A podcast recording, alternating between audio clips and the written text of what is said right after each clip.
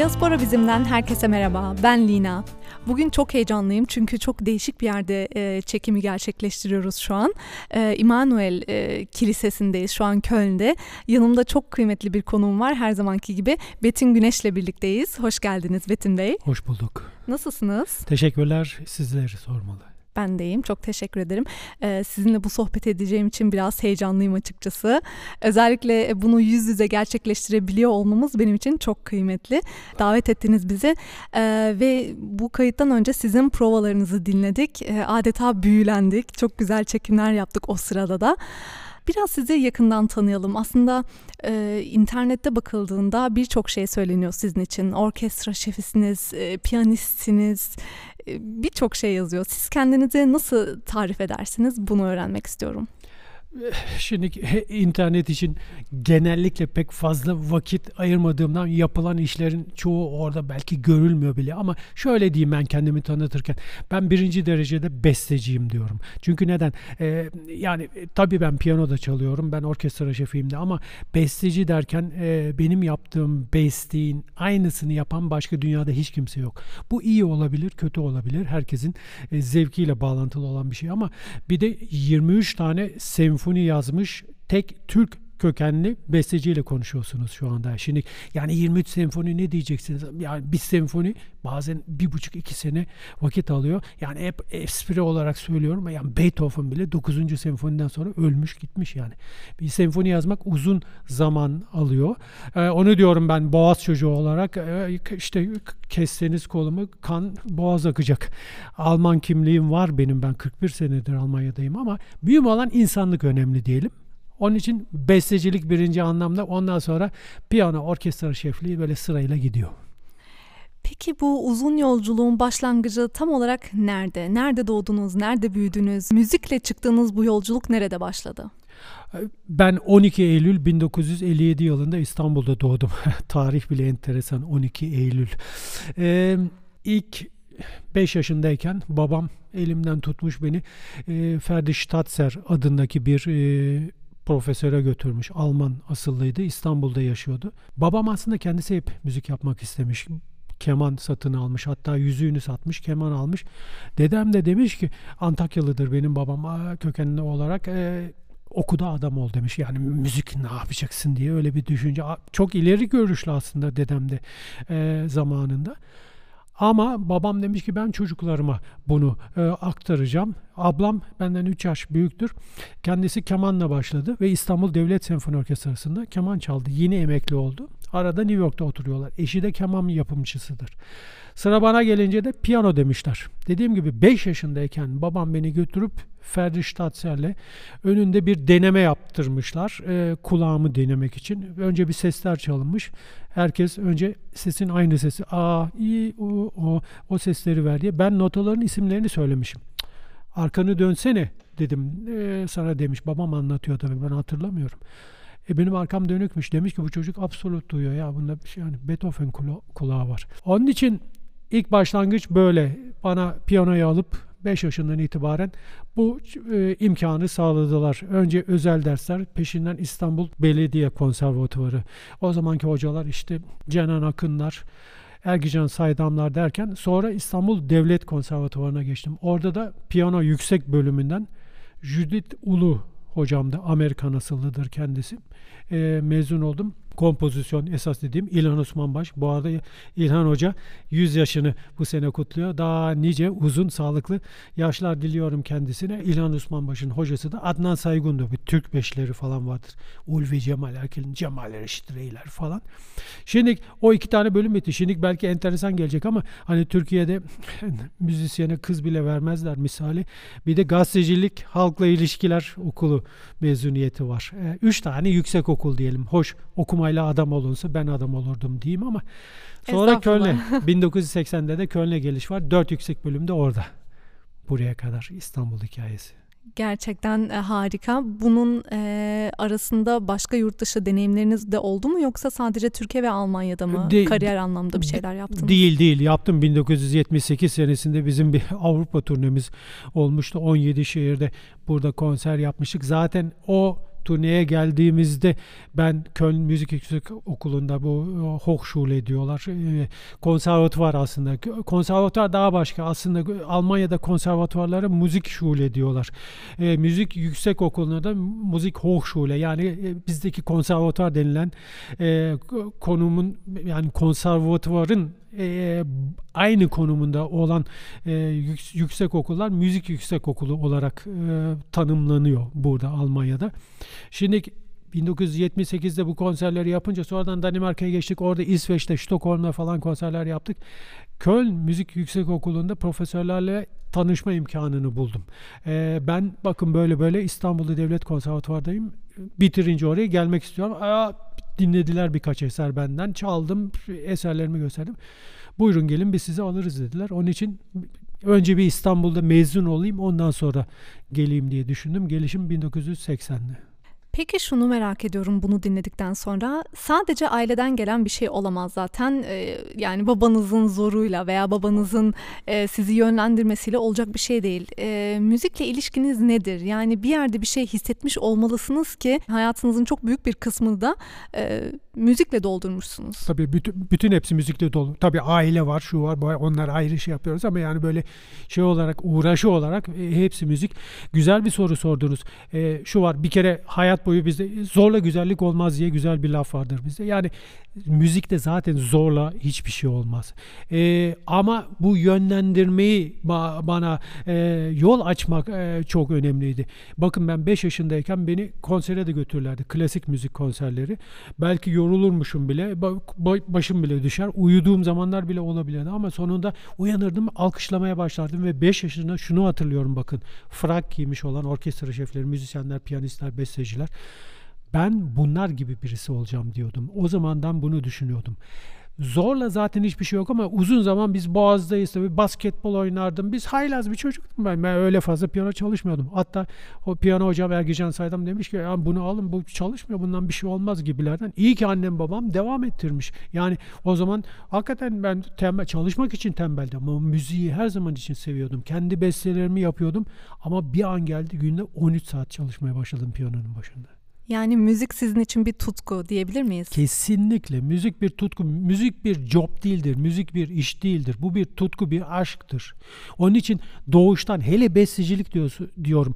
Bakın bestecilik aslında öğrenilmez. Doğuştan besteci olarak doğarsınız. Ama çok yanlış olan bir düşünceyi de ortadan kaldıracağım. Bizim Türkiye'de maalesef bu bu tarz düşünceler var. Ben kabiliyetliyim. Doğuştan Allah bana bu kabiliyeti vermiş. Ben çalışmama, ben bilmem okumama gerek yok. Ben zaten çalarım. Nota bile bilmeme gerek yok. Yok öyle bir şey olmaz. E, roman yazacaksan harfleri bileceksin. Okumuş olacaksın. Şimdi ben benim için bir tutku bu kesinlikle bir hiç tartışmasız ama e, bu bütün bu çalışmaları yapmadan falan da olmuyor. Ya Allah'ın bana verdiği bir tek e, en önemli konu absolut kulak. Kulağım benim absolut duyuyor. Bu bir tek Allah'ın vergisi. Gerisinin hepsi çalışma. Bu aslında biraz da işinize ve e, müziğe verdiğiniz, gösterdiğiniz saygıyla alakalı bence.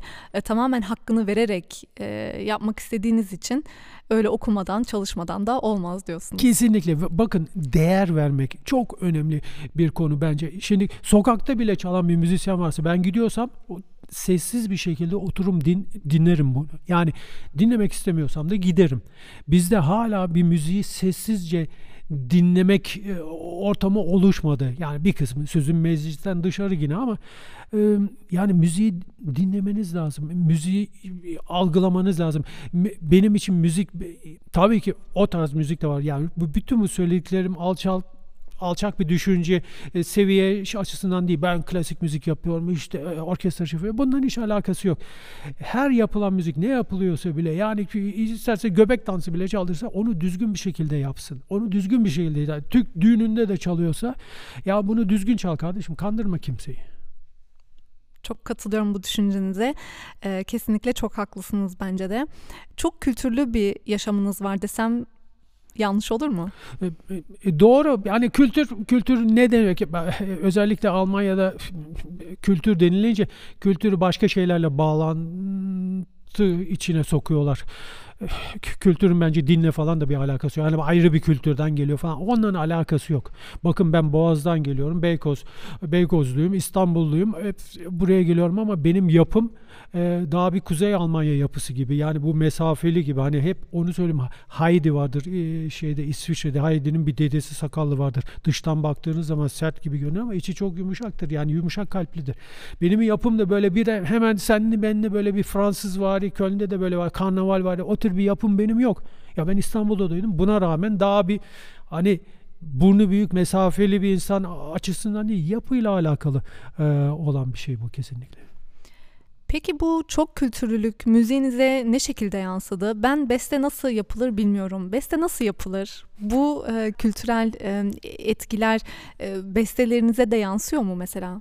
E, kesinlikle yansıyordur. Bakın ben aileden e, bahsedersem benim e, mesela anneannem e, Sarajevo'dan geliyor. Onun için benim çocuklarım sarışın mavi gözlü de nereden nasıl bir Türk bu? E, e, işte bilmem dedem Konya tarafından geliyor ama annem Erzincan'da doğmuş. Dedem ondan sonra e, Libya'da bilmem generallik şunun böyle paşa torunuyum ben. Şimdi falan diyeceğim bütün bu toplamayı ele aldığınız zaman bileli bir birikim içinde olan var. Bakın bir insanlık iyi insan, iyi insan olmak. Bütün bir ana filozofi bu.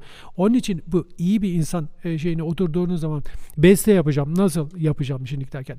Bakın onun için çeşit tarzda e, eserler var. Yani bence her insan bir yerde beste yapabilir. Herkes bir duş alırken, banyodayken bir şeyler mırıldanıyordur. Bu da beste yapmaktır bir yerde olan şey var. Şimdi ama işin daha ciddi olan şeyleri bir senfoni niye onun için diyorum. E bakın bir, bir senfoni yazmak için Şimdi bizde bir müzik diyelim alalım. İşte Üsküdar'a giderken aldı da bir yağmur. Bir tane melodi vardır. Onu söylüyorsunuz. Yine bir gül nihal.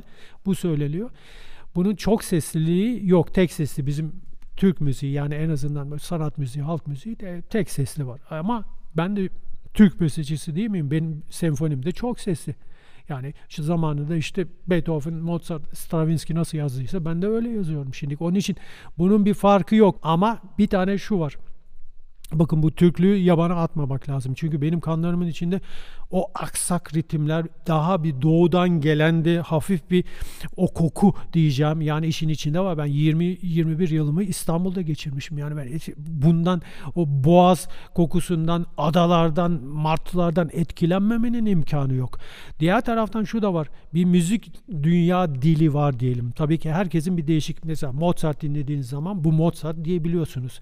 Şimdi herkesin kendi imzası olması lazım ama ben geldiğim zaman buraya müzik yüksek okulunda e, herkes aşağı yukarı 3 aşağı 5 yukarı modern anlamda eserler yazıyordu. Ben dedim ki ya bir değişik bir şeyler olması lazım. Yani bu benim imzam altında olması lazım. Bizim aksak ritimlerimiz var, melodik yapılarımız var. Bu, bu yani ayrı bir nosyon bu onun için.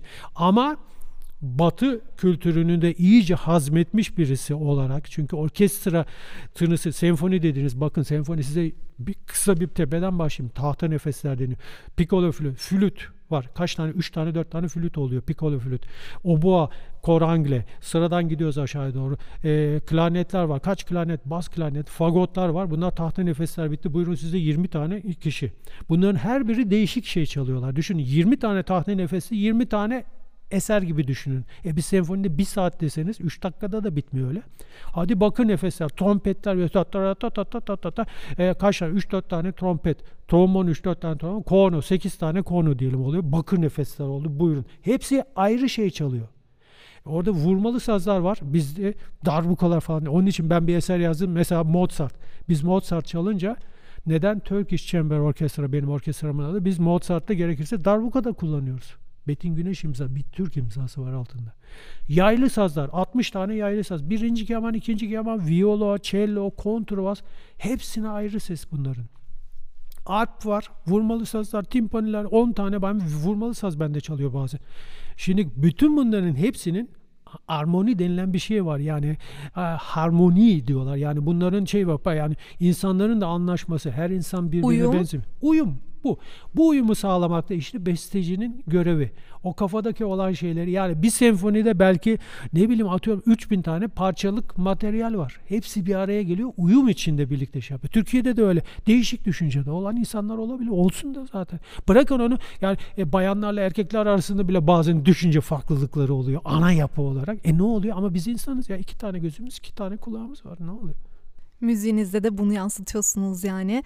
Ee, şimdi uzun yıllardır Almanya'da yaşıyorsunuz ama evet. anladığım kadarıyla müziğinizle biraz da e, İstanbul'a tutunuyorsunuz gibi geldi bana.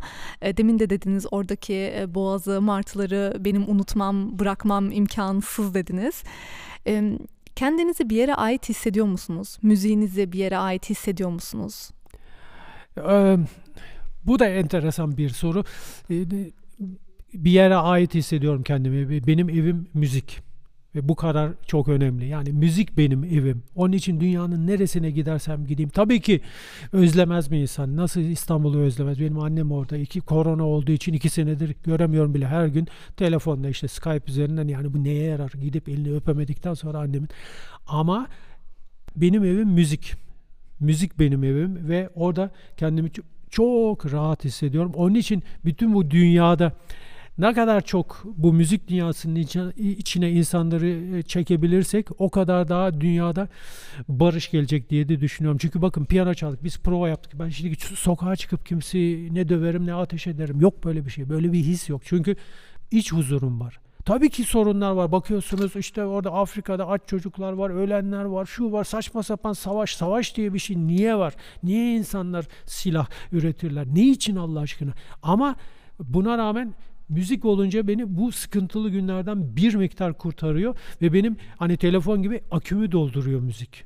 O olmasa devamlı negatif, devamlı negatif. E ya bir yerden de bir çözüm yolu bulmak lazım. Sizin de e, bahsettiğiniz bu memleket hasreti e, var ya. E, şimdi Almanya'ya göçün 60. senesini kutladık bu sene hiç böyle bir besteniz oldu mu tamamen gurbet hisleriyle bestelediğiniz yani böyle hasretin çok ağır vurduğu ve tamamen hani gurbette olduğunuzu düşünerek bestelediğiniz bir parçanız oldu mu?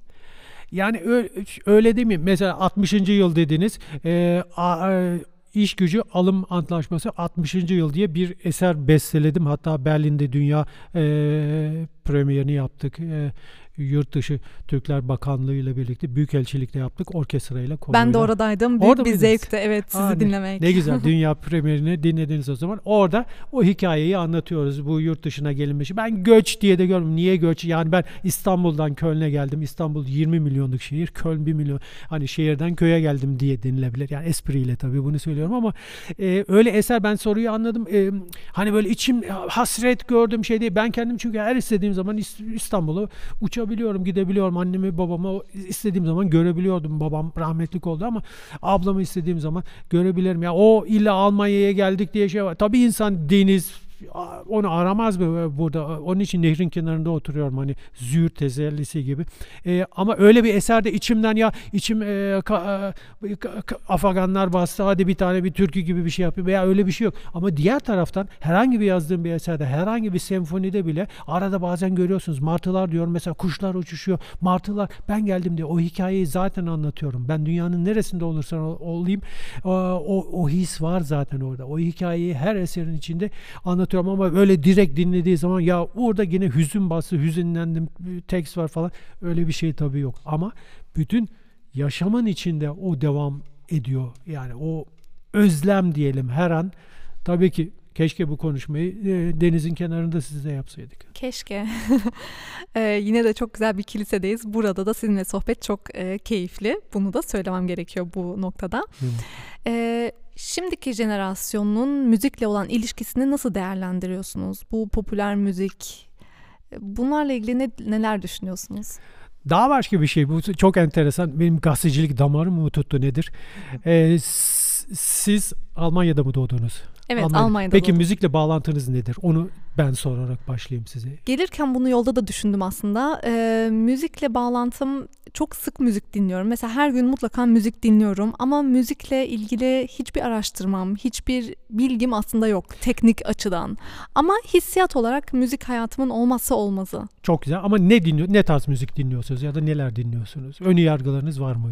Ee, çok karışık, çok sesli şeyleri sevmiyorum. Daha melankolik, daha sessiz, uzun uzun parçaları. Mesela e, örnek vermek gerekirse tanıyor musunuz bilmiyorum. Cem Adrian dinlemesini çok severim.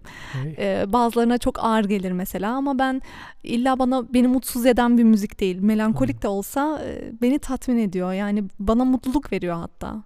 Anladım. Ee, peki ama burada madem e, doğduğunuza göre e, o okula giderken müzik dersi falan vardı değil mi? Orada en azından sizi bir yönlendirme oldu mu onu en azından sorayım. Hani bir konsere gidince bakın çocuklar bu böyle dinlenilir, konuşulmaz, ses yapılmaz falan diye bir ön eğitim nasıl oldu? O merak ediyorum. Ya açıkçası bunu okuldan çok aileden gördüğümü söylemeliyim. Ee, babamla böyle e, konser, e, tiyatro gibi gösterilere çok fazla katıldım ve e, babam böyle tiklidir bu konuda. Kesinlikle daha e, binaya girmeden telefonlar sessize alınmalıdır. E, ceketini çıkaracaksan mutlaka önceden çıkar. Sakın orada haşırtı huşurtu çıkarma.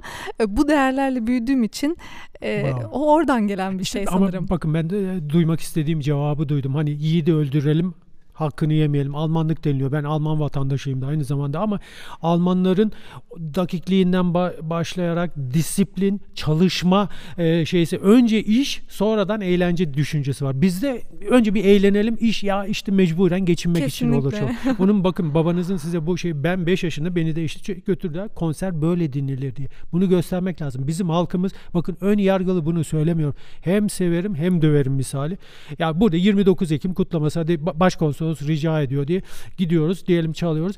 Yani insan çalmak istemiyor. Çünkü millet konuşuyor bizim halkımız. Bır bır bır bır dır. Ya birisi bir şey çalıyor. Bir 3 dakika en azından dinle. Bunu başından öğrenmek lazım. Ve de sizin sorunuzu gençler için olan şeyi vereyim e, babanız sizi yönlendirdiği için en azından ön yargılı değilsiniz. Yani bir klasik müzik olunca öcüdür. Ben bunu hayat boyu istemem demiyorsunuz. Bakın bu çok önemli başlangıçta. Benim babam hep anlatıyor. Önce bir pick-up almış zamanında. Klasik müzik kendi başına. Pick-up'ı bir koymuş. İşte Tchaikovsky, Beethoven, Mozart senfoniler. 5 dakika sonra sıkılmış. Kapatmış. Ertesi gün bir daha koymuş. 10 dakika kapatmış. E Ondan sonra 15 dakika, 20 dakika. Alışmak bu çok önemli. Yani iyi olan müzik diyelim. Bunu illa klasik, cazdı, poptu, rapti ayırmayalım. İyi olan müziği dinlesin istiyorum ben gençler. Neye göre ayırabiliriz bunu? Mesela şimdi ben müziğe e, evet hayatıma dahil müzik ama çok da bir bilgim yok mesela. Nasıl ayırt edebilirim iyi müziği kötü müzikten? Ee, zevkler ve renkler farklıdır. Çok önemli bu. Ama bir örnek vereyim. Benim orkestrada e, trombon çalan, e, bas trombonu çalan e, bir müzisyen arabası vardı. Ferrari. Şimdi ben bindiğim zaman ya gö- böbrek taşım düşecek zannettim. Hiç de hoş değil. Ama Ferrari kötü araba diyemem ben. Ferrari'nin iyi araba olduğu konusunda tartışmaya bile gerek yok. Onun için o imkan verirsin. Bakın yani şeyde işte Urfa'da Harvard vardı da mı gitmedi ki. İnsanlar senfonik müzik, iyi iyi müzik diyelim dinlediler de mi kötüsünü istiyorlar. Ben kötü olsun istemiyorum. Bir Türk düğününe gittiğim zaman ya bas gitarı çalan baştan sonuna kadar yanlış çaldı. Ya yapma bunu Allah aşkına. Yani Kuralsız uygulandığında diyebilir miyiz? hem kuralsız uygulanıyor bir de bizde bir yapı var. Aa, ben kabiliyetliyim ben yapıyorum benim hiçbir şeye ihtiyacım yok. Ya yok böyle bir şey. Çalışmadan yapmadan şey kuralsız ben yaptım oldu. E, insanlar bir de el üstünde de tutunca bunu meşhurluk deniliyor. Benim şeflik e, hocam söylemişti Karayan hakkında şey, meşhurdur ne düşün. E Coca-Cola da meşhur demişti. Yani şimdi meşhur olmakla iş bitmiyor ki. Yapılan şey iyi mi? Ve de bu iyi Betin Güneş iyi dediği için değil gerçekten iyi olduğu için. Yani ben Ferrari onun için şey yaptım. Ben beğenim beğenmem ama har diye motor bir çalıştım. İstersen iyi değil de. Har bir gidiyor uçak gibi gidiyorsun bir anda. Var bir şey var. Beğenmiyorum diyebilirsin. Bu benim hoşuma gitmedi bu müzik diyebilirsin ama önce bir beş defa dinle. Yani herhangi bir senfoniyi peş defa peş, peş peşe hangi genç dinledi? Ama sabahtan akşama açtığın zaman cüs tık tak cüs tık tak tık bunu bir milyon defa dinliyorsun. İstesen de istemesen de beynine yer ediyor. Çivi gibi beynine çakılıyor. Ohrwurm diyorlar burada. Kulağın içine giriyor. E, o şansı iyi olan müziği de var. Zaten iyi bir şeye alıştıktan sonra kötüsünü zaten istemiyorsun. Betim Bey, e, bugüne kadar birçok sahnede yer aldınız. E, dünya sahnelerinde hatta. Hiç unutamadığınız bir e, sahne, hiç unutamadığınız bir an, bir konser oldu mu? Ya öyle şeyler değil. Değişik değişik şeyler yapıyor. Bakın çok enteresan bir şey söyleyeceğim. Ben Bayer Orkestrası'nda şefliğini yaparken Brezilya'ya gittik. Rio'da bize açık sahne kurulmuş. İşte 100 bin kişi, 150 bin kişi onların önünde çalındı ama 100 kişi koruyucu polisi var. O beni fa- fazla şey çünkü gelenler biraz şey işin e, parantez içinde eğlence tarafı olduğu için. E, Arena diye bir konser salonu var 20 bin kişi. Biz bin yılın türküsü diye bir Guinness rekoru kırdık. 1200 tane bağlama vardı. Şimdi o 1200 bağlamayı oraya koymayla iş bitmiyor. Ondan sonra basında Alman basında kendileri çaldı kendileri oynadı diye bir haber çıkıyor. Şimdi onların yerine ben bir kilisede bazen e, ki bulunduğumuz yerde de burası kilise diyoruz ama konser salonu gibi bir yer. Yepyeni daha yeni yapıldı. Piyanosu var, şeysi var, şusu busu. Leverkusen'de bir kilisede anahtarı ben de düşünün. Kristus Kirche anahtarı bir Müslüman Betin Güneş'te. Ben orada prova yapıyorum. Kuyruklu piyano var. Yani bu açıdan hiçbir sıkıntı yok orada yapılan şeyde. Oraya gelen diyelim ki 50 kişi gelsin, 100 kişi gelsin ama sırf müziği dinlemek için geliyorlar. O beni daha çok cezbediyor. Kore'de mesela çaldık en güzel şeysi şey, İzmir Senfoni Orkestrası'nın elemanlarıyla. E, gelenlerin hepsi genç genç böyle bütün kızlar etrafımı sardılar. Kore bayrağı, Türk bayrağıyla zaten Türkleri de çok seviyorlar. Yani gençler nasıl bir anda hepsi klasik müzik dinlemek istiyorlardı. Yani bu alışmayla da vallahi alakalı ve de iyi olan bir şeye alıştıktan sonra yani keşke gençler de tabii bu imkanın sağlanması lazım. Ben onları söyleyeyim ailelere yani ey Türk milleti bin defa her eve bir piyano girsin. Yani her evde bir piyano girince biz Avrupa Birliği'ne zaten o zaman gireceğiz vallahi. Yani yüksek binalarla, yatlarla, katlarla bu iş olmuyor piyano diyorum onu şey yapıyorum. Yani onun için yolun açılması lazım. Eski Alman Cumhurbaşkanı bile şey bana sizin gibi piyano çalabilmek için mesleğimi değiştirmeye razıyım demişti. Yani bu e, bakış açısı çok önemli. Yani değer değer deniliyor buna. Respect. Çok güzel e, anlattığınız gerçekten söylemek istediğinizi tam olarak anladım. E, müziğinizi ve sizi hiç tanımayan birine sizi nasıl anlatabiliriz? Ben şimdi babama desem ki e, baba seni Betin Güneş'in konserine götürmek istiyorum ve babam bana dese ki tamam kızım gidelim ama nasıl bir şey dinleyeceğiz? Sizce doğru cevap nedir? E, Betin Güneş'in müziğini dinlerken bu yaşam tarzı gibi bakın ben sizinle konuşurken Şimdi devamlı böyle konuşsam bir robot gibi konuşurum. Hiçbir şekilde müzik de yok, yaşam da yok ordu gibi, şey asker gibi git. Halbuki konuşurken bakın el jestleri var, nüans yapıyorum, yukarı çıkıyorum, aşağı iniyorum, beste yapıyorum aslında ben sizinle konuşurken. Ve de bestenin sıkıcı olmaması lazım. Yani baştan başa monoton dediğimiz şey var. Hep aynı tarzda gidince, onun için küçümsemek açısından diyorum, düstap, düstap, düstap, aynı ritme gidiyor. Ya bu yeni bir şey gelsin ya, başka da bir şey görmek istiyor insan. Her gün en iyi yemeği yese, kordon bleu önüne bilmem, steak kondu. Her gün yesen sıkılırsın ya. Bir günde midye yiyeyim, bir, günde ne bileyim peynir yiyeyim dersin. Yani her şeyin şeyi bile. Onun için Betin Güneş müziğini dinledikleri zaman bir kere klasik müzik olduğu için parantez içinde klasik müzik diyorum. Bence iki tarz müzik var. İyi yapılanla kötü yapılan müzik. Ama benimki klasik müzik branşı. Şimdi bu klasik müzik deyince bir kere insanlar baştan korkuyorlar. Öcü var. Eyvah klasik müzik. Ama biz bunu zaten anlamıyoruz. Hoşumuza gitmeyecek. Daha ön yargılısın. Daha gel bir dinle bir kere dur. Onun için benim Betin Güneş eserlerini dinledikleri zaman zor zaten benim bir eserimi ben diyelim ki bir sene, bir buçuk sene bir senfoni yazmışım. Uğraşmışım, kafa patlatmışım. Birisi geliyor, müzikle alakası olmayan, nota bile bilmeyen birisi geliyor, dinliyor. Çok iyi anladım, her şeyi anladım. Ya o zaman ben bir, bir buçuk sene boşuna zaman harcamışım ya. Hatta bütün hayatınızı.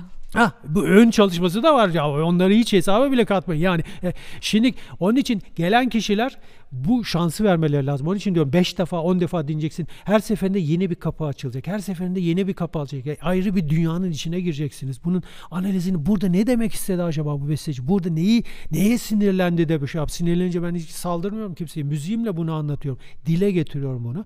Ama bazen öyle bölümler geliyor ki genç müzisyenler mesela müzisyen olmayanlar bile gençler aileler getiriyorlar. İşte 14-15 yaşında 16 yaşında konsere geldikleri zaman eyvah biz istemeyiz derken bir bakıyorlar bizde 5 e, tane vurmalı saz var baslar, timpaniler, darbukalar, aman bağları, huluru onlar başlayınca sonra ya bu bu kadar kötü, değilmiş ya biz bunu bir daha dinlemek istiyoruz diyorlar. Yani o şansın verilmesi lazım ve de eserleri dinlerken benim eserim her an nefes alabilmesi lazım eserin.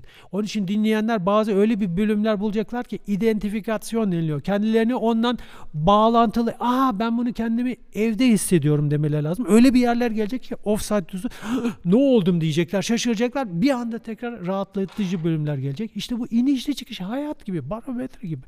O o zaman enteresan ve güzel. Sizi dinlemek biraz da hayata kulak vermek gibi diyorsunuz yani. Umarım böyledir. Ee, ben sizi Berlin'de dinleme şansına eriştim. Demin de söylediğim gibi gerçekten inanılmazdı. Ee, hatta unutamadım ki sizinle bu görüşmeyi yapmak istedim. Ne mutlu. Ee, bir arkadaşımla birlikte oradaydım ve ikimiz de büyülendik e, diyebiliriz. Demin bahsettiğiniz şeyleri e, bize geçirmeyi kesinlikle e, başardınız. Biz ne mutlu. Bakın, bunların hepsini hissettik. İşte iki kişiyi bence bu, bu, bu bir şey gibi e, kar topu gibi. İki kişiyi ben size aşıladım. Virüs diyorum pozitif virüs ama bu iş bu korona ile falan. Size bunu aşıladım ben. Bakın siz iki kişi e, sağınıza solunuza yarın öbür gün çocuklara, torunlara hepsine siz aşılayacaksınız. İşte bu böyle büyüyeceğiz biz. İnsanlık, iyi insanlık, iyi müzik ve her şey pozitif enerji. Bu çok önemli. Tekrar çok teşekkür ediyorum e, Betim Bey. Ben çok keyif aldım. Çok şey öğrendim. E, son vermek istediğiniz bir mesaj var mı? Sağlıcakla kalın. Müzikli kalın. Ve müzik her zaman için her derde çaredir diye düşünüyorum. Onun için Müzik olan yerde kötülük olmaz. Kendinize iyi bakın. Teşekkür ederiz. Siz sevgili dinleyicilerimize de çok teşekkür ederiz. Her zamanki gibi fikir ve önerilerinizi Instagram sitemiz e, Diaspora Bizim'den bizlere yönlendirebilirsiniz. Podcast'ımızın tüm bölümlerini Spotify, Google Podcast ve YouTube üzerinden dinleyebilirsiniz. Bir dahaki bölümde görüşmek üzere. Kendinize çok iyi bakın. Hoşçakalın.